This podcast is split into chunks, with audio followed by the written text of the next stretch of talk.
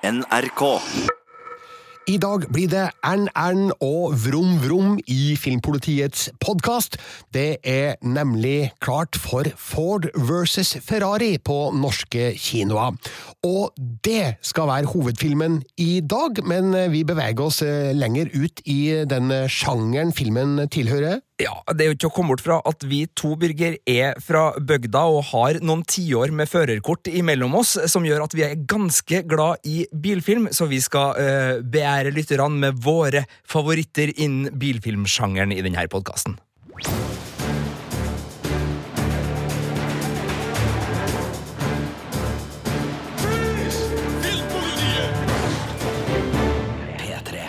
Her i studio sitter Birger Vestmo. Og Sigurd Vik. Og vi skal aller først til Ford versus Ferrari. Og det her er en film som tilhører en spesifikk eh, sjanger, kan vi kalle det, nemlig racerbilfilmsjangeren. Og det er jo en sjanger som har en del legendariske høydepunkter. Altså For min egen del så har jeg gode minner fra Grand Prix med James Garner fra 1966, som jeg da ikke så på kino da den kom, fordi jeg er født i 1970, men har jo sett den på eh, VHS og på Blu-ray i senere tid. Så er det også en film med Paul Newman fra 1969 som heter Winning, eller Vinneren på norsk. Og kanskje rosinen i racerbilfilmpølsa er Le Mans fra 1971, med Steve McQueen i hovedrollen. Og den handler jo om 24-timersløpet på banen Le Mans i Frankrike, og der er det et sammentreff fordi Ford versus Ferrari handler handler om eh, nøyaktig det samme, mer eller mindre. Carol Shelby. Maybe. Lee Iacocca, Ford Motor. Suppose Henry Ford II wanted to build the greatest race car the world's ever seen to win the 24 hours of Le Mans. What's it take? Well, it takes something money can't buy. Money can buy speed. What well, about speed? You need a pure racer behind the wheel of your car. That's Ken Miles. I don't trust him an inch. We heard he's difficult. No, no, Ken's a puppy dog.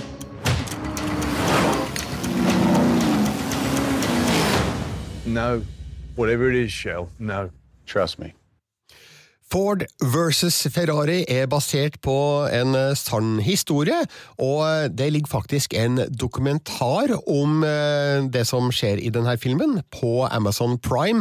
Og den så jeg tilfeldigvis for en tid tilbake, før jeg egentlig ante at eh, Ford versus Ferrari var på vei. Og eh, det var en god eh, primer på Amazon Prime eh, for å se Ford versus Ferrari, samtidig som det ble en påminnelse om at Hollywood tar seg av og til store friheter når de skal fortelle historier basert på virkeligheten. Ja, for her har du jo to veldig kjente merkeværenavn innenfor bilindustrien, og så har du to veldig kjente skuespillere i Matt Damon og Christian Bale. Og, og hvordan eh, vil du si at eh, de eh, bygger opp det her for å bli en kinoopplevelse som man også kan dytte litt popkorn inn i, i trynet for å, å, nyte, og ikke bare en dokumentar? Altså, det er helt klart at regissør James Mangold, som jo da er mest kjent kanskje for Walk the Line, altså Johnny Cash-filmen, og også da den siste Wolverine-filmen, som heter Logan, det er tydelig at han prøver her. og henvende seg både til fans av eh, gammel racing og til et kinopublikum som kanskje ikke sitter på noen særlig forutgående kunnskap da, om eh, personene og kjøretøyene som er involvert i denne historien. Eh, for det her er en morsom, underholdende og strømlinjeforma bilfilm, der man blir mata litt inn med teskje, altså hvilke forhold som rår, og eh, ting som eh, bilteknologi og løpsstrategi blir forklart eh, grundig, men enkelt, slik at det skal være lett å henge med, da, sjøl om man ikke nødvendigvis er så veldig gira ja, på racerfilm. Ok, du tok gira. Jeg tenkte vi kunne ta noe ordspill med det går fort i svingene og, og så, sånne ting. Og, ja. altså, hvordan er det som anmelder? Altså, er, anmeldelsen din ligger jo på p3.no nå. Altså, er den full av bare sånn in-jokes på, på, bil og giring? Ja, innledningsvis så, så, så, skriver jeg at James Mangold fyller kinolerretet med nostalgiske hestekrefter. Og mot slutten av anmeldelsen så skriver jeg vel at eh, spenninga holdes ved like helt til målstreken. Ah. Eh, komma både bokstavelig talt og i overført betydning. For de som da ikke kjenner til denne historien, så foregår den altså da i 1966. Ford-konsernet sliter litt med bilsalget, og um, Lee Iacocca, som uh, senere ble en gigant i amerikansk bilindustri, foreslår da til sin sjef, Henry Ford den andre, at de kanskje skal prøve seg på internasjonal motorsport for å kaste glans over Ford og selge flere biler. De tar kontakt med den tidligere Le Mans-vinneren Carol Shelby, spilt av Matt Damon, som har vært nødt til å legge racingkarrieren på hylla pga. hjerteproblemer. Eh, de ber han om å utvikle en ny racerbil, som da skal ta opp kampen mot eh, selveste Ferrari på Le Mans. Og eh, bakhistorien her, som du også får se i filmen, er at Ford først prøver å kjøpe seg inn i Ferrari, men mislykkes og blir ganske ydmyka, slik at nå blir det i stedet da en hard konkurranse for å slå italienerne, som har vært overlegne på Le Mans i flere år på rad. Eh, Carol Shelby går i gang med det her, og han knytter til seg en britisk eh, sjåfør som heter Ken Miles. Spilles av Christian Bale, som er et råskinn både i bilen og utafor bilen. Eh, og tanken er jo at Ken Miles skal være hovedsjåfør da, når Ford skal prøve seg mot Ferrari på Le Mans. Problemstillinga i filmen og i det virkelige liv er at eh, Ken Miles er en litt eh, ja, skal vi kalle det uberegnelig person, som Ford-ledelsen ikke synes passer helt inn da i deres image, og de stikker da kjeppa i hjulene, nok et, en metafor her, eh, for Carol Shelby, slik at han ikke får brukt Ken Miles på Le Mans. Det skal vise seg at det ikke går veldig bra ved første forsøk, men eh, nå eh, er det nok ting som tyder på at det kan la seg gjøre å få Ken Miles i racerbilen allikevel på Le Mans det påfølgende året. Så det er mm, hovedhistorien her. Det er en konflikt mellom to ulike tankesett, der du har eh, racingsjåførene med vinnerinstinkt på én side, og så har du the suits, altså eh, toppledelsen i Ford på den andre sida, som eh, mest av alt vil selge biler. Og eh, det blir noen konflikter på det området, da. Jeg føler jo meg veldig trygg når det er skuespillere som Matt Damon og Christian Bale som skal uh, ta for seg det menneskelige dramaet og, og den biten av filmen. Uh, du får bryte inn hvis jeg, hvis jeg tar skammelig feil her, men det jeg er nysgjerrig på, er jo bilfilm, og, og, spesielt da racing, har blitt gjort så mange ganger i så mange tiår. Altså, hvordan fungerer filmen her visuelt uh, som bilfilm? Den fungerer stort sett veldig, veldig bra. Altså, jeg føler at racing-sekvensene, som det er veldig mange av, de er utrolig godt utført. Eh, både når det gjelder foto, klipp klipping som er imponerende god. Det lukter en Oscar-nominasjon her for klippinga av Ford versus Ferrari. Og også det utrolige lydsporet der det er ernern, vrom vrom i absolutt alle kanaler. Og jeg leste at uh, den ene lyddesigneren bak Ford versus Ferrari har en uh, saumfart uh, hele verden etter riktige biler for å ta opp de riktige lydene til de eh, bilene som opptrer da i filmen. Eh, mange av bilene vi ser i Ford versus Ferrari, er ekte vare. Eh, noen av dem er nok konstruert med falske skall, men det er også noen tilfeller der jeg nok tror de har tydd til digitale grep. Jeg så veldig nøye etter det, fordi man forventer jo nesten i en film i 2019 at det er en del digital trickery involvert. og det er det nok også her og der i Ford versus Ferrari. Det er noen racingscener der du forstår at ja, men her kan ikke kameraet være. og hvis det er der, så lurer jeg veldig på hvordan de har gjort det. Men ok, jeg tenkte jo at det var bare digitale effekter når Tom Cruise kasta seg ut av eh, flyet i siste Mission Impossible også. Eh, og så har det jo blitt bevist eh, med video i senere tid at det var jo faktisk ekte hopping som ble foretatt der. Men inntil jeg får det bevist, så tror jeg nok at de villeste sekvensene i Ford versus Ferrari de er nok prega av litt digitale effekter. De er godt utført. Virker som bilene har, har den tyngden, altså den vekta, som de trolig har i det virkelige liv, så jeg føler at det er en viss grad av, eller en stor grad av realisme her. Eh, unntaket er et krasj, som eh, Det er ikke en sentral del av historien, så jeg spoiler ingenting her nå, men det er et, eh, et krasj som eh, jeg syns ser veldig fake ut. Jeg må innrømme at bilkrasj i racing fascinerer meg av og til. Sånn at da går jeg på YouTube, og så søker jeg sånn racing crash compilations. Det høres helt forferdelig ut, men Sitter du og ser på uh, bilkrasjkompilasjonsvideoer på YouTube? Birk? ja, innimellom, av og til, en sjelden gang. Uh, her er det viktig å skyte inn at jeg vet at det fins også sånn um, compilations med ekte krasj ute i trafikken. Det orker jeg virkelig ikke å se på. Eh, men Men det er ekte bilkrasj fra, fra banen du, du går for? Ja, altså um, eh, Det går jo som regel alltid bra, fordi de er jo fantastisk godt sikra i de bilene. Men eh, eh, Jeg skulle aldri avslørt det her. Nei, Men, det, det er jo fascinerende. Altså, det er jo, øh, apropos ordtak, altså, det- man snakker jo om liksom, det som å se en bilkrasj i sakte film, og da snakker man jo om at man er fascinert. Det er jo noe fascinerende med bilkrasj, men øh, det er klart, Ja, ja. Du, du er ekstra interessert i det da, når Ja. du, du setter deg ned på det viset. ja, altså Poenget mitt her er at hvis man har sett noen sånne crash compilations på YouTube, så vet du hvordan et bilkrasj på en racerbane ser ut. Hvordan en bil oppfører seg når den treffer en barriere, når den øh, velter, når den ruller i lufta osv. Uh, og derfor så er det litt enkelt å se da på dette spesifikke krasjet i Ford versus Ferrari at eh, ok, det der var nok ikke en ekte bil, for eh, den oppførte seg ikke helt på, på samme måte ifølge vanlige fysiske lover som de gjør på, på YouTube. Men uh, jevnt over så ser Ford versus Ferrari helt utrolig bra ut.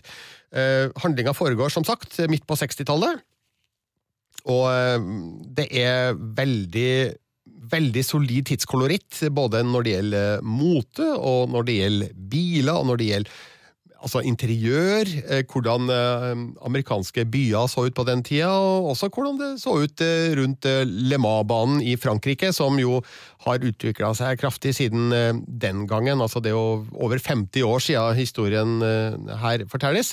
Så det er overbevisende arbeid som er gjort på den visuelle fronten da, for å få Ford versus Ferrari til å se bra ut. Ja, og jeg ser at Matt Damon har på seg cowboyhatt i noen av stillbildene fra filmen, og pilotbriller, så han ser også bra ut her, ser jeg. Så det er jo gledelig Ja, å, å observere. Jeg tenker jo at eh, det er ikke så veldig lang vei fra hvordan Matt Damon og Christian Bale ser ut i denne filmen, til sånn som den faktisk ser ut i dag. Så filmen føles ikke gammeldags eller datert.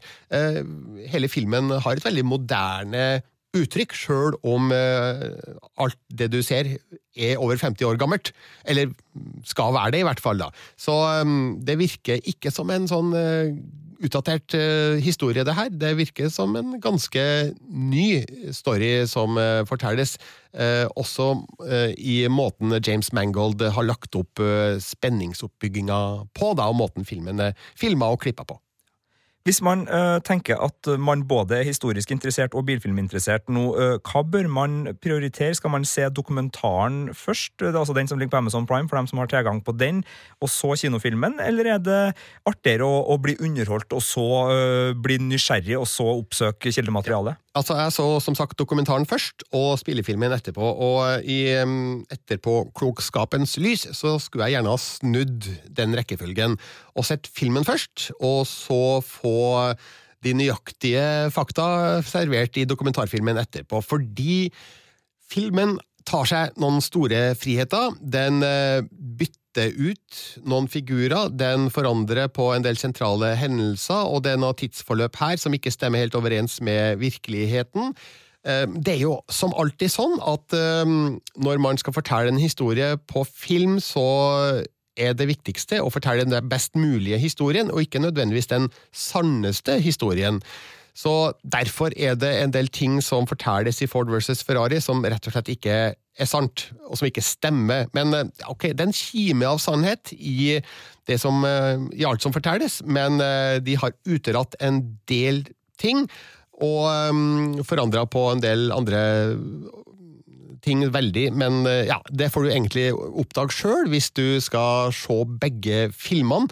Det er mulig at det er nok å se spillefilmen, da mulig noen har fått det de trenger, og ikke må ha mer informasjon. Men for de som vil ha den hele og fulle sannheten, så ligger det altså da en dokumentarfilm på Amazon Prime da, som går enda grundigere til verks på de nøyaktige fakta enn det Ford versus Ferrari gjør.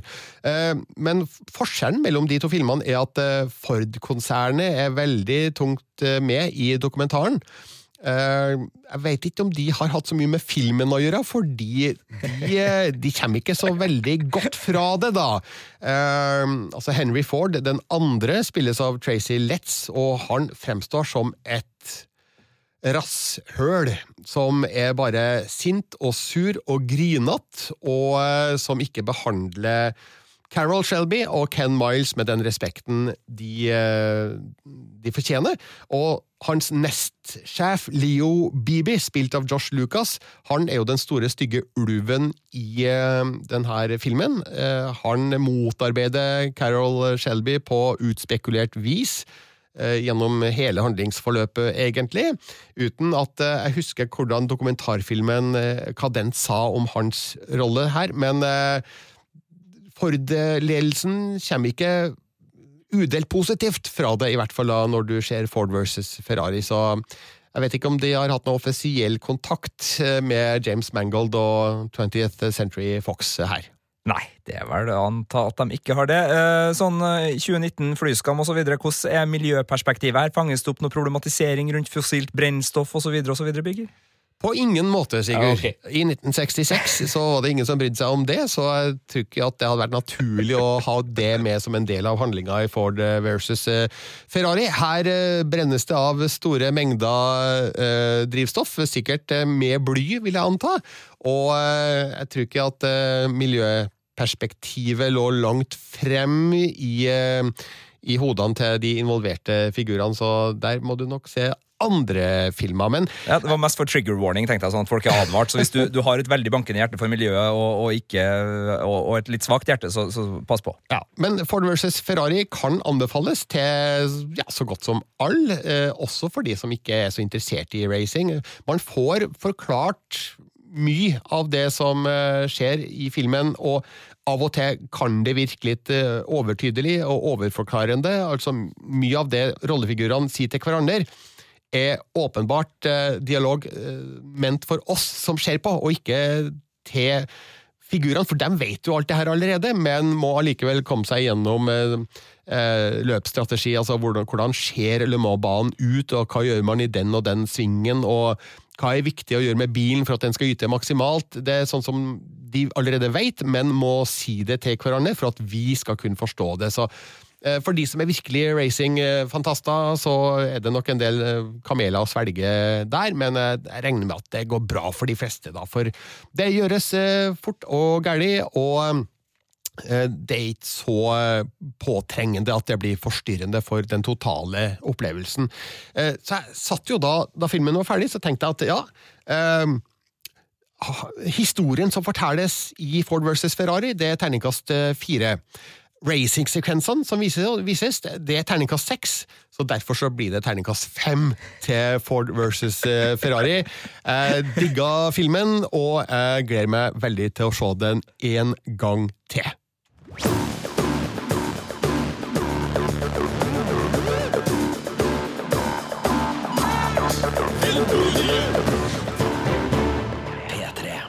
Vi er ikke ferdig med bilfilmsjangeren i denne podkasten. Vi skal nemlig nå snakke om eh, noen av våre favoritter i eh, bilfilmen.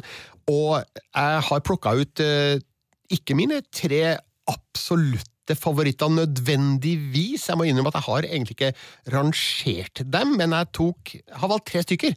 Som er svært solide, og som jeg har sett gang på gang, og ja, som er blant de ypperste på sitt felt. Jeg vet ikke, Hvordan har du gått frem for å velge ut dine, Sigurd? Jo, med unntak av Cannonball Run 2, eh, som jeg har nok sett flest ganger, for den elsker jeg da jeg var liten, så har jeg nok også gått for filmer jeg har sett mange ganger, kost meg med mange ganger, og som jeg mener eh, fortjener å bli sett av så mange som mulig, egentlig. Felles for alle filmene, det er seks filmer vi skal gjennom, tre hver, felles for dem alle er at bilen har en sentral rolle på en eller annen måte, men eh, på, på ulike måter vil det vise seg når vi går gjennom eh, lista her nå. Og tenker du skal få start, Sigurd. Eh, hva, hva er den første bilfilmen du skal snakke om? 'Sønner av Norge kjøper bil' fra 1962, Birger. Det er en for... Nei da, det er ikke dit. Men jeg skal til Norge, og jeg skal langt tilbake i tid, og jeg skal til det som for meg eh, er den optimale racingfilmen, fordi den er så godt bygd opp, og man bryr seg så mye om de involverte. Og jeg lurer på, kanskje vi skal høre litt fra avdukinga av eh, bilen som filmen handler om. Dagens eh, sensasjon er Reodor Felgens nye fartsvidunder Il Tempo Gigante, som kan ta opp konkurransen med selveste Rudolf Blodstrupmoens tolvsylindrede GT Super Boomerang Rapido. Må vi først få gratulere med dåningen? Det er storslagne greier, dette her. da. Det er radar òg, ja. Ja, for stein sprang og skodde. Og i tilfelle det skulle dukke opp noe uoversiktlige sideveier, asju. Ja, jeg forstår. Men du, la oss begynne foran. Ja. Her har vi da startsveiva, som starter motoren foran. Som igjen starter aggregatet under dashbordet. Som til slutt starter rakettenmotoren eh, bak. Ja vel, ja. Og da går det unna. Skulle tro det, ja. Denne bilen her er da både forhjulsdreven og bakhjulsdreven. Og med direkte bensininnsprøytning rett i dysa. Etter eh, klystermetoden. Og så har jeg satt inn to speedometere på den. Kobla slik at eh, det ene overtar der det andre slutter. Og så en roterende vindmåler her. Jeg skjønner. Og bremsekloss her, da. Det samme systemet som på sykler. Litt forsterka. Ja vel, og så har vi noe der. Ja. Det er blodtype B resius pluss og resius minus. Og en liten skvett blått blod, da. Hvis en skulle være så uheldig å skrense borti en baron eller andre adelige. Fiffig, fiffig, det. Eh, Skal vi ta en titt oppe i cockpiten, kanskje? Eh, Nei, nei. Eh, Jeg tror ikke det er noe for eh, allmennheten. Hemmeligheter? Å ja Jaha, da får vi bare ønske Reodor Felgen til lykke med det forestående bilrace og håpe at redskapen holder. Det her var selvfølgelig avdukinga av Il Tempo Gigante fra Ivo Caprinos Flåklypa Grand Prix fra 1975. Og hvorfor har du valgt å trekke fram den, Sigurd? Det er mange faktorer til det. Eh, For det første så er det jo en eh, film som for min del er dynka i nostalgi og barnlig glede. Det har vært en av mine favorittfilmer stort sett gjennom hele livet, vil jeg påstå. Og den har noen julekvaliteter som eh, har begynt å slites bort litt i det siste, da, men som, den, var- den var jo en sentral del av den norske jul. Men grunnen til at den er med her, er jo fordi at det er en feiende god uh, bilfilm, fordi den klarer å putte dramaturgi i bilracet på en deilig måte. Altså Her snakker vi sabotører, vi snakker om skurker, vi snakker om heltemodig innsats fra de minst sannsynlige, og alt som selvfølgelig er klisjeer i dag, og kanskje var det i 1975 òg, men det er måten Ludvig ramler inn i det førersetet og kommer seg under og ser hva som er galt når alle driver og klør seg i hodet, og måten asfalten ruller i bakgrunnen av den akselerasjonen som da Ja, er det 3G de snakker om at er inne i bildet her? Nei, det er jo humor eh, som er helt nydelig, men, men det er rett og slett et sabla godt dramaturgisk løp, og det er viktig. Nå blir jo det eh, vanskelig å skille racerfilmer på dramaturgien i billøpet etter hvert, enten man snakker om eh, Talageda Nights med, med Will Ferrell, eller man ser på Hva var det het den uh, Sly Stallone-filmen? Driver, var det? Drive. Driven. Driven, ja. Der også. Altså, man har jo massevis av sånne filmer som egentlig bare handler om hvordan skal vi få underdogen til å vinne løpet.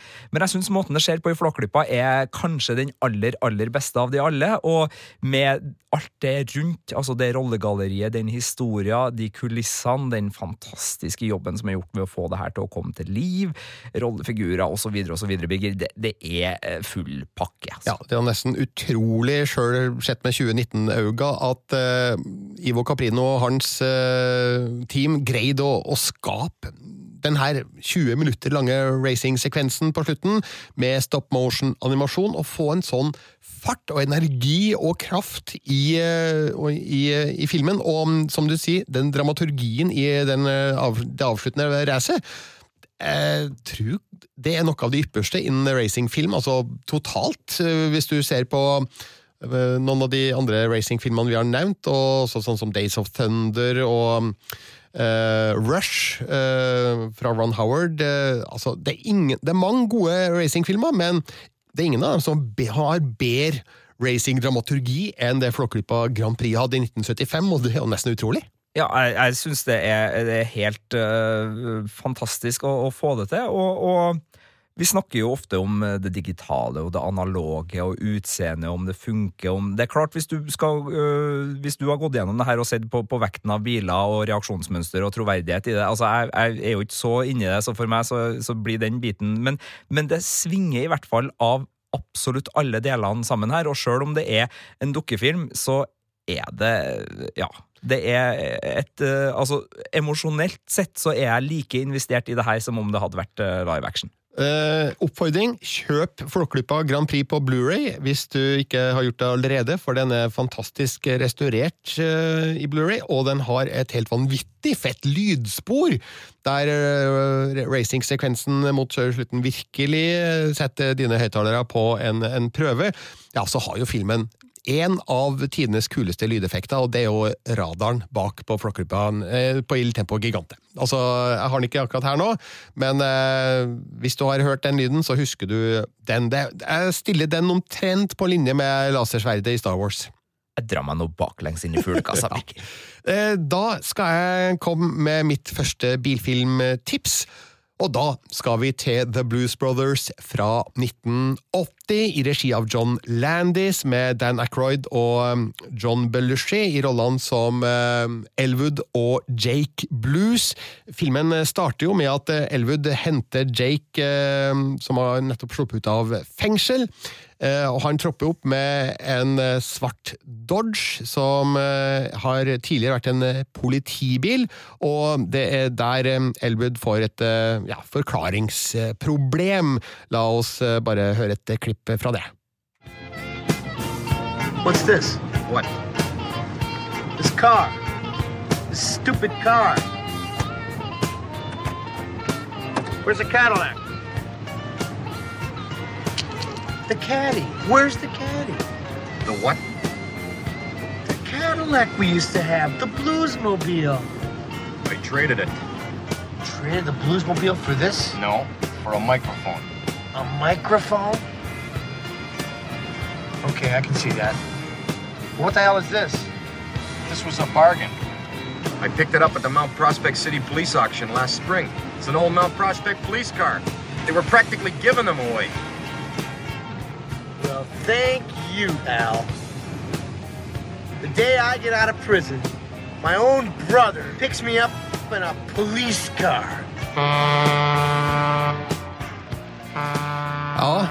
Ja, Jake Blues ble henta i en Dodge Monaco 1974-modell, og um, hvis du har sett filmen, så vet du hva som skjer rett etter det lydklippet vi uh, hørte her, og um, etter det så um, er bilen godkjent da som den nye bluesmobilen, og den er jo som en figur i seg sjøl gjennom eh, hele filmen.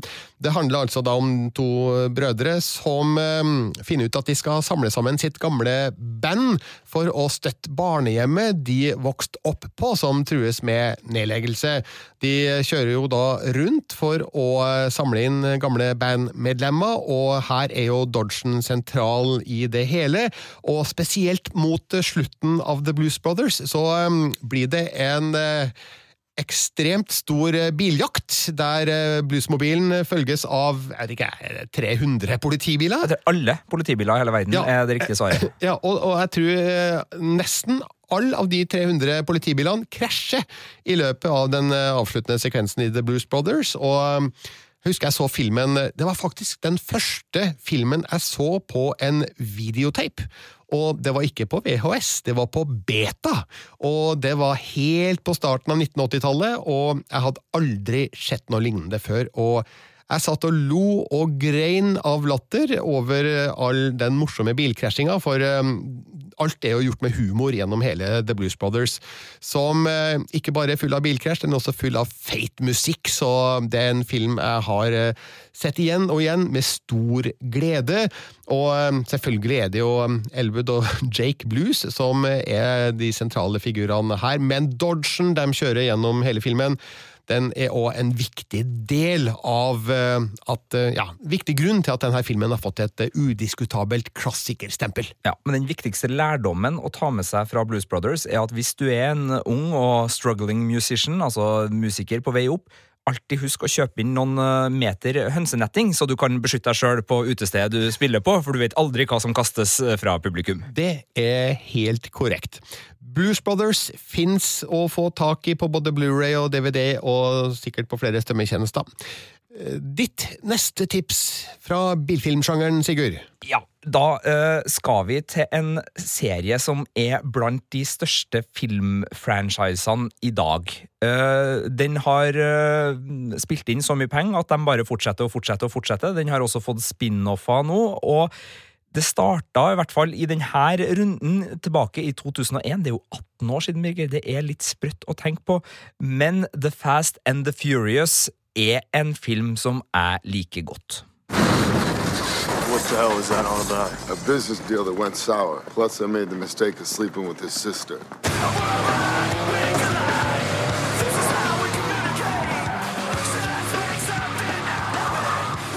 Det skrenses, og det kjøres, og det styres på, og det er en film som kanskje ikke har tålt tidens tann sånn eh, helt visuelt sett, for den eh, baserer seg jo på eh, litt urealistisk eh, opplegg, og det er klart, der har den sjangeren tatt igjen seg sjøl flere ganger siden 2001, men den handler om noe så enkelt som å kjøre fort i bil og vennskap. Og de to tingene funker fremdeles. Og den har selvfølgelig fått et eh, lite sånn uh, vemodig drag over seg, all den tid en av uh, ja, eh, hovedpersonene rett og slett eh, dessverre ikke er med oss lenger i, i virkeligheten, da med tanke på at Paul Walker gikk bort for noen år siden.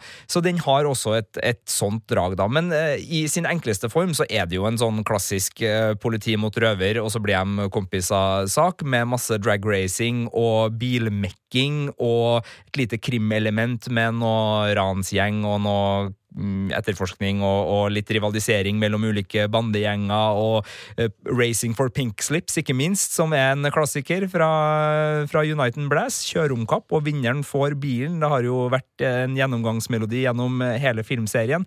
Uh, det er kanskje ikke den beste av Fast and Furious-filmene. Jeg storkosa meg med Hobson Shaw eh, nå ganske nylig. Jeg vet ikke hva, Har du en favoritt blant eh, de ni eh, Fast and Furious-filmene, Birger? Altså, nå er det vanskelig for meg å skille dem fra hverandre, må jeg innrømme. Men det skjedde jo nå etter den eh, tredje filmen fordi eh, nummer tre den eh, foregikk jo i Tokyo og eh, hadde et, et helt annet persongalleri. Eh, og så fant selskapet ut at eh, den filmen ble jo så godt mottatt at her kan vi gjøre noe. Og fra nummer fire og utover så samla de jo da den gamle gjengen igjen, pluss flere nye, og utvikla det som nå egentlig har blitt en sånn superheltfilm. eh, der eh, vanlige fysiske lover ikke eksisterer lenger. Så det er en stor forskjell på den første Fast and the Furious og den, og den siste. Så eh, jeg tenker at Fast and the Furious nummer fire eh, er vel kanskje den viktigste i serien for min del, i og med at den ga startsignalet til det serien egentlig har blitt i, i dag, da. Ja, og kan jo ta den siste, da, som er Hobson Shaw, mens vi venter på Fast and Furious 9. Der er de altså på, de er på Samoa, de er i Russland og de er i London, og de jakter Idris Elba sin skurkerolle, som driver og kjører rundt på en motorsykkel. og Ingenting av det som foregår på verken to eller fire eller åtte eller ti hjul, er i nærheten av Newton-vennlig øh, fysikkmessig. Men i Fast and Furious, første filmen, så er det altså Du har den her klassiske bil under trailer som er en gedigen eh, gyser av en spenningsscene, uansett eh, hvordan man lager den, og der er den skikkelig, skikkelig god. Den har en del sånne wow-scener som er skikkelig, skikkelig kul, og så er det en god film inni bilfilmen også. Eh, og, og jeg likte den veldig godt da den kom, og jeg så den igjen for ikke så lenge siden. Jeg likte den godt da også, og så har den jo Paul Walker og Vin Diesel da i to ledende roller i en bromance som jeg syns er verdt å se. Så uh, se gjerne alle Fast and Furious-filmene og de nyeste, og kos dere med det, men øh, spor tilbake teipen og, og ta eneren nå, altså. Den er gammel, men den er god. La meg spole tilbake teipen eh, en gang til, for vi skal igjen tilbake til 1980-tallet og til en film som kom i 1983. Jeg så den riktignok ikke før flere år seinere på VHS, etter at jeg hadde oppdaga filmen The Thing, og hvor utrolig feit den var.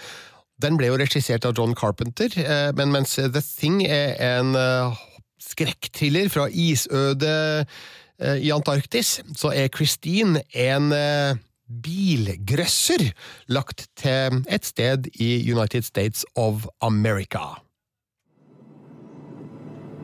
You know, when someone believes in you, man, you can do anything, any fucking thing in the entire universe. And when you believe right back in that someone, then watch out, world, because nobody can stop you. Then nobody, ever.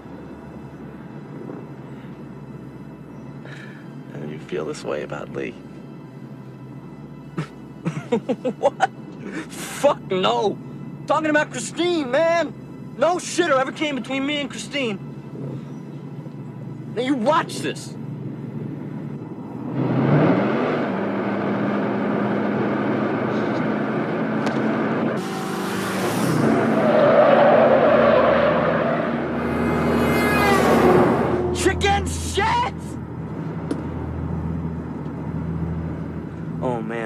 Nothing finer than being behind the wheel of your own car. Ja, Det var et klipp fra Christine av John Carpenter fra 1983, og jeg glemte en liten detalj her, da, at Christine er navnet på bilen som da er sentral i handlinga.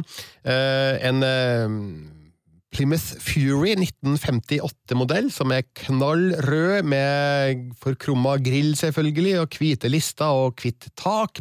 Nydelig sak som eh, eies av Arnie Cunningham, som vi hørte her, spilt av Keith eh, Gordon som eh, får et ganske sterkt og intenst forhold til Christine. Altså, greia med Arnie Cunningham er at han er vel i realiteten et mobbeoffer, og eh, han eh, blir eh, etter hvert eh, involvert i noen skumle hendelser der det viser seg at eh, bilen hans eh, kanskje muligens eh, knerte hans motstandere. Eh, så vi snakker jo om en bil med sjel her, og du kan lure meg til å tro at eh, Plymouth Furien i eh, Christine har sjel, for eh, måten John Carpenter har filma det her på er veldig lekkert og stilfullt. Eh, Men samtidig så er det noe skummelt med den eh, bilen, noe foruroligende.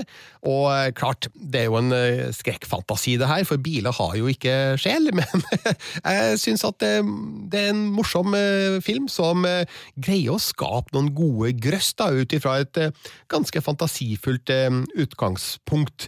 Og jeg har blodig lyst, eh, no pun intended, på en sånn Plymouth Fury 1958-modell. Så hvis noen har en til salgs for en billig penge, så send meg en e-post. Eh, Takk skal du ha. Ja. Uh, Finn.no slash Filmpolitiets podkast. Uh, det her, altså. Men det, det, er jo også en film som har blitt uh, tatt vare på i populærkulturen. Jeg husker sånn umiddelbart Futurama har en episode uh, via til, til, Christine. Så det er jo en, en, en film som, har, som, er så særegen og har såpass mye særpreg at den har på en måte blitt til en slags eh, sånn uh, ja, en liten popkulturell institusjon. Ja, En liten en i hvert fall. Jeg ser På Internet Movie Database så har den en sånn snittkarakter på 6,7, og det syns jeg er altfor lavt, for Christine har virkelig kvaliteter som hever den over flere av andre filma i bilskrekksjangeren. Ja, det fins kanskje ikke så mange av de, da, men eh, Christine i hvert fall. Uh, det er en, en, solid film som jeg absolutt anbefaler å se, uh, for det er en godt gjennomført grøsser. Samtidig som den har noen utrolig kule bilsekvenser, og en, en, en bil som Plymouth Furin med, som jeg sa, knallrød lakk for krumma grill. Den har svære halefinner gjør seg utrolig godt i Cinemascope. Eh, den saken er klar. Jeg tenker, Det er jo litt øh, sånn kjedelig hvis du skal liksom ta alle de der kule 70-80-tallsfilmene hvor bilene liksom er en sentral del av handlinga og har personlighet, så jeg må, må hive meg på der, jeg òg. Og da tenker jeg at øh, jeg starter med å spørre deg, Birger. I 1977 i USA, hvilken film var det som trona på kinotoppen der? vil tro at det var Star Wars. Ja, det er jo helt riktig. Uh, vet du hvem som var tiltenkt rollen som Han Solo før Harrison Ford fikk den? Nei. Burt Reynolds var visst en av de aktuelle der. Hæ? Vet du hva Burt Reynolds gjorde i stedet for å takke ja til Star Wars i 1977? Ja, altså, jeg har jo en, har en anelse nå, da. Han laga Smokey and the Bandit, som kjørte seg rett opp på andreplassen, bare slått av Star Wars på kinotoppen i USA. Fytti rakkeren, det er bilfilmene! Universal presents Burt Reynolds, Sally Field, Jerry Reed and Fred. We're gonna really have to cook. I mean, put it on the back burner and let's cook. Is that a 10 4? 10 4. And the only thing that stands between them and an $80,000 prize Jackie Gleason as Sheriff Buford T. Justice. I gotta barbecue your bandit. I got a smoking report for you. What's your handle, son? Jeg skal innrømme, Sigurd, at eh, jeg så Smokey and the Bandit på VHS for veldig, veldig lenge siden, og husker jo at jeg likte filmen, men ikke sett den siden. Eh, er den ikke litt gammeldags i dag? Den er veldig gammeldags, men den er også veldig enkel. Fordi hvis du får den halsbrekkende utfordringa det er å frakte 400 kasser øl gjennom fire, eller i hvert fall flere delstater i USA, noe som er strengt ulovlig, og du har en sheriff som jager deg, og så har du to rikinger som har utfordra deg, ja, da må du jo sette klampen i bånn og bare kjøre som ville F. Og uh, Bandit uh, eh, 1 og Bandit 2, som da er traileren med ølen og uh, sportsbilen som Burt Reynolds kjører ved siden av, med Jerry Reed, som har laga låta vi hørte litt av her, altså Eastbound and Down, som da kjører lastebilen, de sørger for at det her er en humørfylt road movie gjennom Uniten Blass, full av ablegøyer og dristig bilkjøring, og ikke minst et hopp som er blant Eh, kinohistoriens beste bilscener, og som jeg vil si uh, rivaliserer Blues Brothers sin kjøpesenter eh, med politibiler i hælene som en sånn der Dere er en godbit for bilkinofansen. Men eh, du som har sett den nå i nyere tid, eh, hvordan, hvordan, er kjøresekvensene i Smokie and the Bandit? Nei, De er relativt enkle, men de er effektive. Altså, her, her, kjøres det på landeveier, og det kjøres bra på, og det er jo litt sånn Altså, kjøringa får mye hjelp av replikker, musikk og liksom eh, driv, da. Så, så, det er ikke liksom sånn at det er sobre bilscener her som uh, i seg sjøl skal på en måte dra lasset. Her, her, hjelpes det fram, ikke minst av humøret og stilen til Burt Reynolds, som uh, med bart, cowboyhatt og en deilig personlighet smitter over på bilen. Altså den Bandit-bilen med det panseret som Ja, jeg har jo genser med logoen på og bruker den så ofte jeg kan.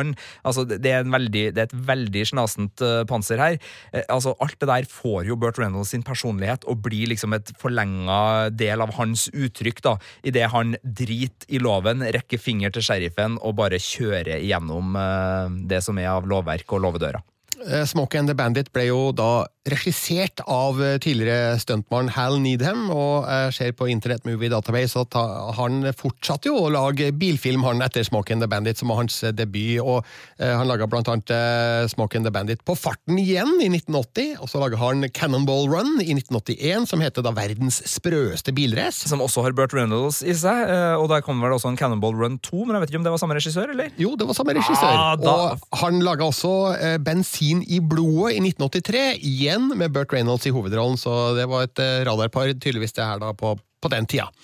Så Smoke and the Bandit, ja, kanskje den fortjener et gjensyn. Jeg har jo da som sagt ikke sett den siden VHS-tapens dager, og det begynner jo å bli en stund siden, så kanskje ser den mye bedre ut nå hvis jeg får tak i en, en god Blu-ray, eller, ja, eller, en god stream, da. Jeg kan ta med Blu-rayen på jobb, Birger, for det her, det, det er for Uh, for, for, trist å høre at du ikke har sett den. Ja. Uh, jeg ser uh, sånn trivia-messig på Wikipedia så står det at den norske filmen eh, Burning har henta en del inspirasjon fra Smokey and the Bandit. Og eh, i eh, kategorien bilkomedier så vil jeg jo si at nevnte Blues Brothers, nevnte Cannonball Run og ikke minst da Smokey and the Bandit er obligatorisk eh, for eh, dem som digger sjangeren. Og sjøl om de er litt, begynner å dra litt på åra, disse filmene, sent 70, tidlig 80, så, så syns jeg man skal utvide filmbiblioteket sitt og, og ha de i hylla. Jeg vil veldig gjerne at du tar med Smokey and the Bandit på Blu-ray på jobb jobb her nå ganske snart, Sigurd.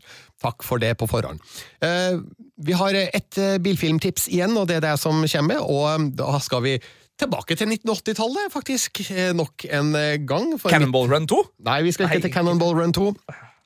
Vi skal til en film fra 1985 der en DeLorean hadde en sentral rolle, og da forstår vel sikkert veldig mange at det handler om ja, tilbake til fremtiden. Wait a minute. Wait a minute, Doc. Are you telling me that you built a time machine? Out of a DeLorean? The way I see it, if you're gonna build a time machine into a car, why not do it with some style? Besides, the stainless steel construction made the flux dispersal. Look out!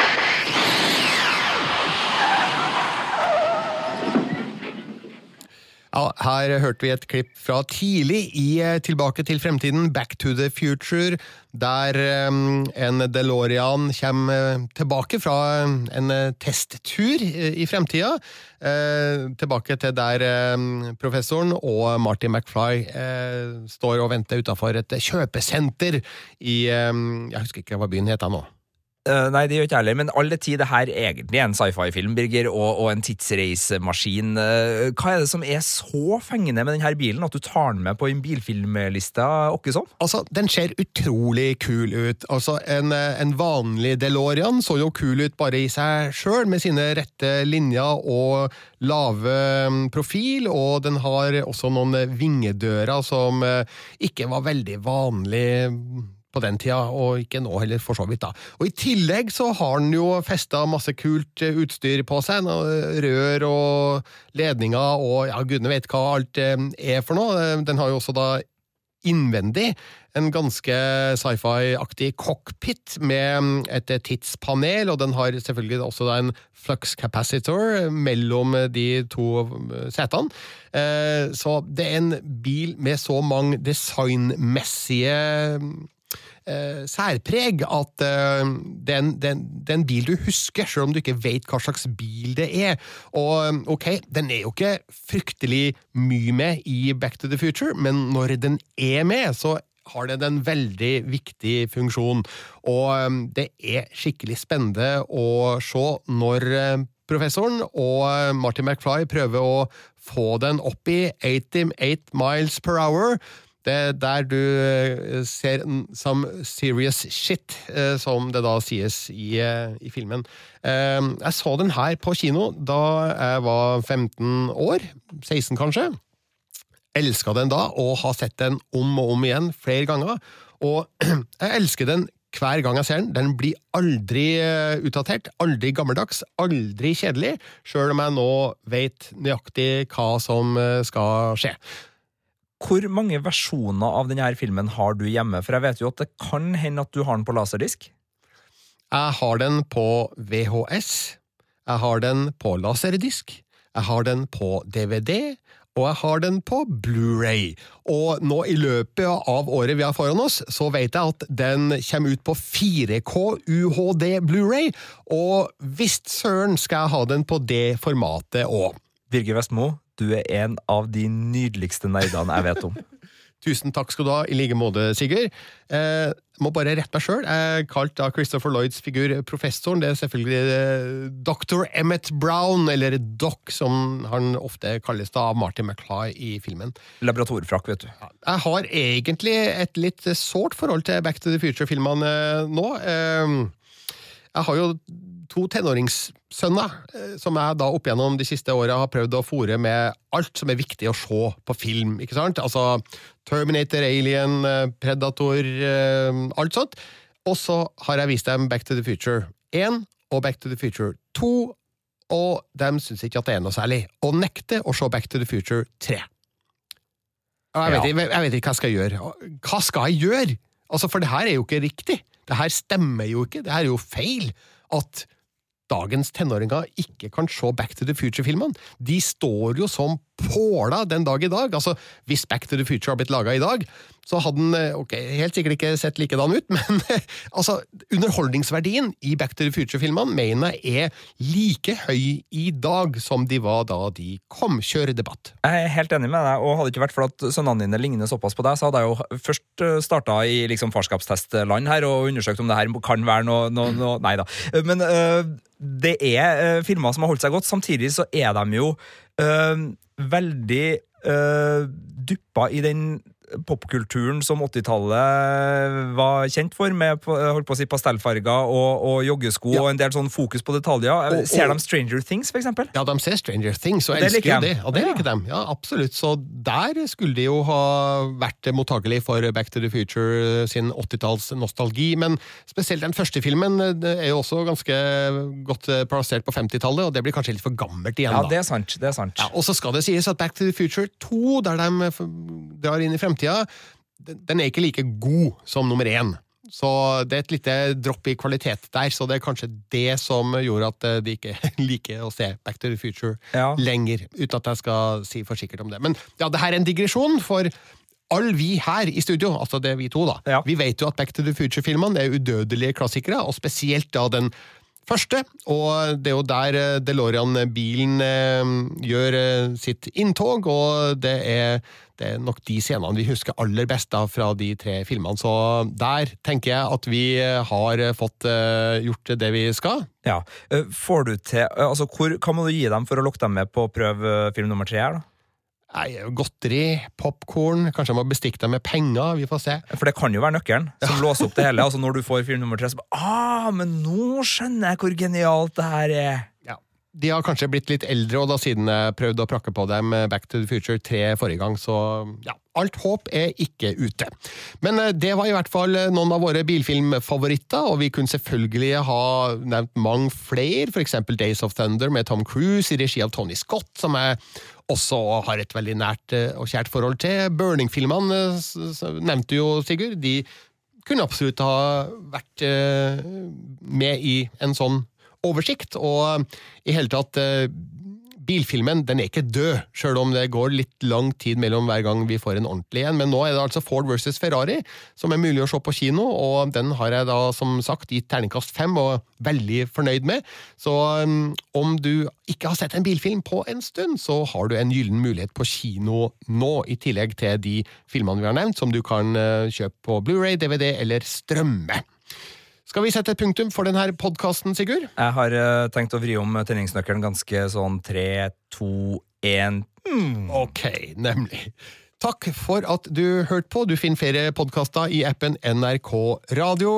Vi er tilbake med en ny podkast her i Filmpolitiet om en uke.